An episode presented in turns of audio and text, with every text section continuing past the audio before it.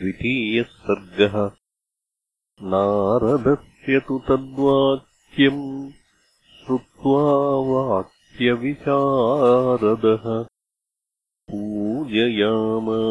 धर्मात्मा सह शिष्यो महामुनिः। यथावत्पूजितस्तेन देवर्षिः नारदस्तदा आपृष्ट्वैवाभ्यनुज्ञातः स जगामविहायसम्। स मुहूर्तम् गते तस्मिन् देवलोकम् मुनिः सदा। जगामतमसातीरम् जाह्नव्यास्त्वविदूरतः स तु तीरम् समासाद्य तमसायामुनिस्तदा शिष्यमाह स्थितम् पार्श्वे दृष्ट्वा तीर्थमकर्दमम् अकर् दममिदम् तीर्थम् भरद्वाजनिशामय रमणीयम् प्रसन्नाम्बु सन्मनुष्यमनो यथा न्यस्यताम् कलशस्तात दीयताम् वल्कलम् मम इदमेवावगाहिष्ये तमसातीर्थमुत्तमम् एवमुक्तो भरद्वाजो वाल्मीकेन महात्मना। प्रायच्छतमुने तस्य वल्कलम् नियतो गुरोः।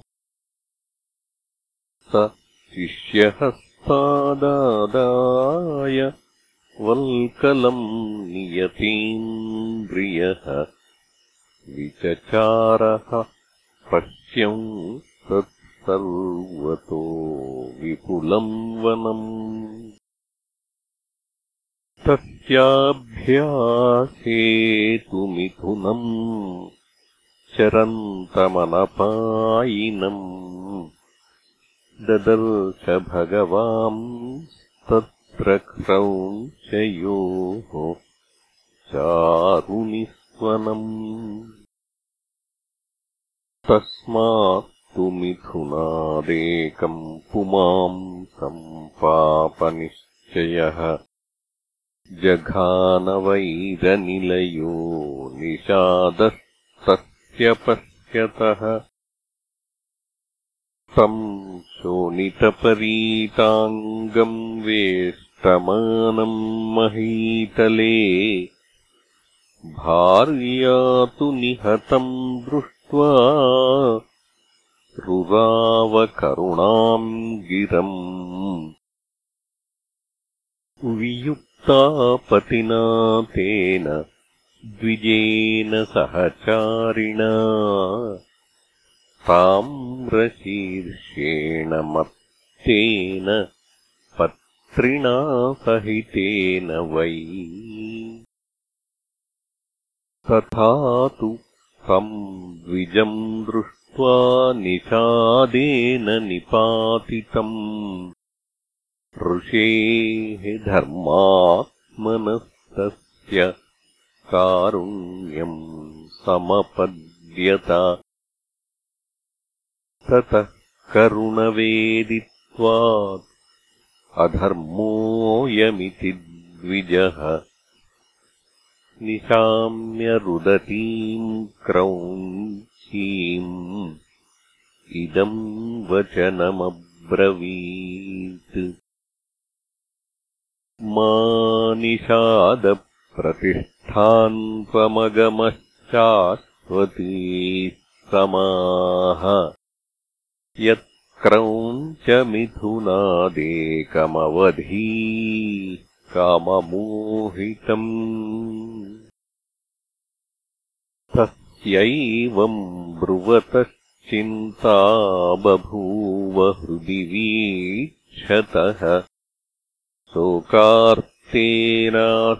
शकुनेः किमिदम् व्याहृतम् मया चिन्तयन् स महाप्राज्ञः चकारमतिमान्मतिम् शिष्यम् चैवाब्रवीद्वाक्यम्।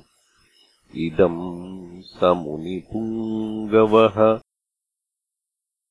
पादबद्धोऽक्षरसमः तन्त्रीलयसमन्वितः। शोकात्तस्य प्रवृत्तो मे। श्लोको भवतु नान्यथा। शिष्यस्तु तस्य ब्रुवतो मुनेर्वाच्यमनुत्तमम् प्रतिजग्राहसंहृष्टः तस्य तुष्टो भवद्गुरुः सोऽभिषेकम् ततः कृत्वा तीर्थे तस्मिन् यथाविधि तमेव चिन्तयन्नर्थम् उपावर्तत वै मुनिः भरद्वाजस्ततः शिष्यो विनीतः श्रुतवान् गुरोः। कलशम् पूर्णमादाय पृष्ठतोऽनुजगामः सप्रविश्याश्रमपदम् शिष्येण सह धर्मवित्। उपविष्टः कथाश्चान्याः चकारध्यानमास्थितः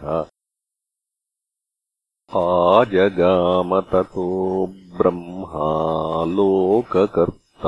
स्वयम् प्रभुः चतुर्मुखो महातेजा द्रष्टुम् तम् मुनिपुङ्गवम्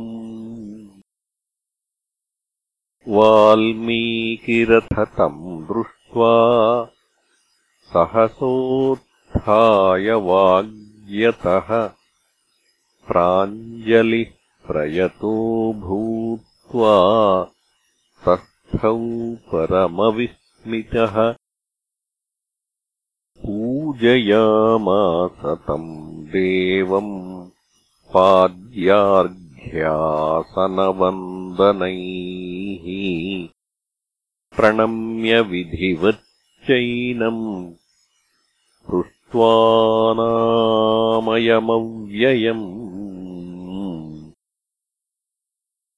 अथोपविश्य भगवान् आसने परमार्चिते वाल्मीकये च ऋषये सन्दिदेशासनम् ततः।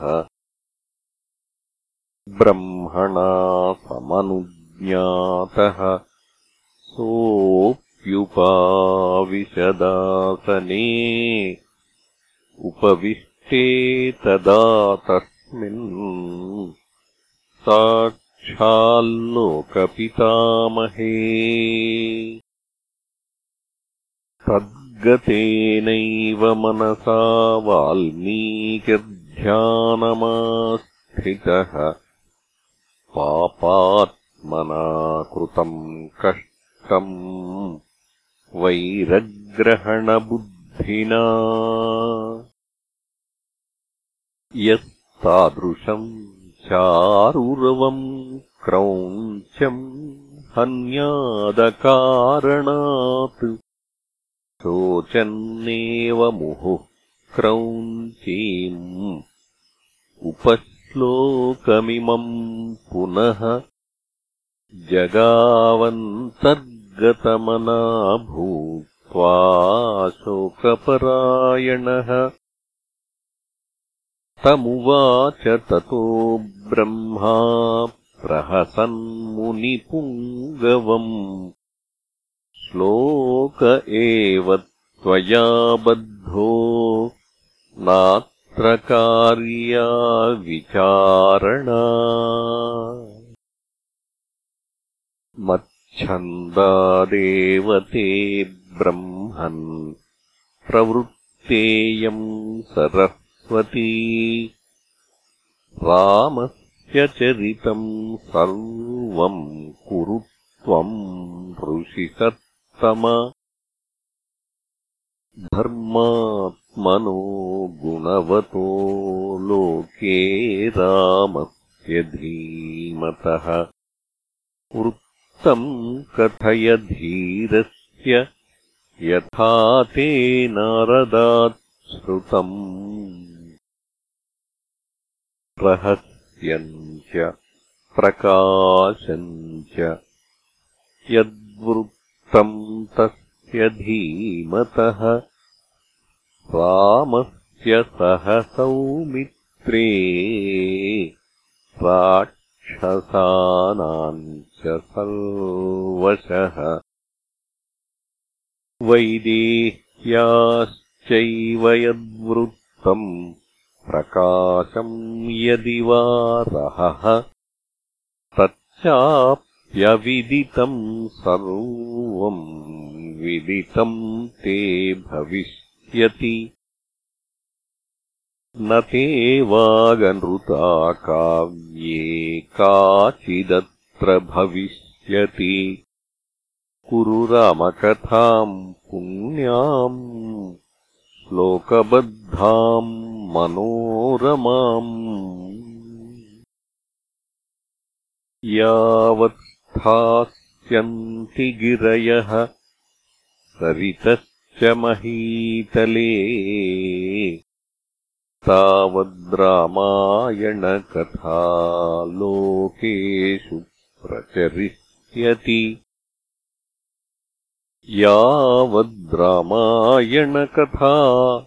त्वत्कृता प्रचरिष्यति तावदूर्ध्वमधश्च त्वम् मल्लोकेषु निवत् इत्युक्त्वा भगवान् ब्रह्मा तत्रैवान्तरधीयत ततः वाल्मीकिः मुनिर्विस्मयमाययौ। तस्य शिष्यास्ततः सर्वे जगुः श्लोकमिमम् पुनः। मुहुर्मुहुः प्रीयमाणाः प्राहुश्च भृशविस्मिताः समाक्षरै चतुर्भिर्यः पादैर्गीतो महर्षिणा। सोऽनुव्याहरणाद्भूयः शोकः श्लोकत्वमागतः। तस्य बुद्धिरियम् जाता वाल्मीकेः भावितात्मनः कृत्स्नम् रामायणम् काव्यम् ईदृशैः करवाण्यहम् उदारवृत्तार्थपदैर्मनोरमैः तदास्य रामस्य चकारकीर्तिमान् समाक्षरैः श्लोकशतैर्यशस्विनो यशस्करम् काव्यमुदारधीर्मुनिः तदुपगतसमाससन्धियोगम् सममधुरोपनतार्थवाक्यबद्धम् रघुवरचरितम् मुनिप्रणीतम् दशशिरसश्च वधम् निशामयध्वम् इत्यार्षे श्रीमद् रामायणे वाल्मीकीये आदिकाव्ये बालकाण्डे द्वितीयः सर्गः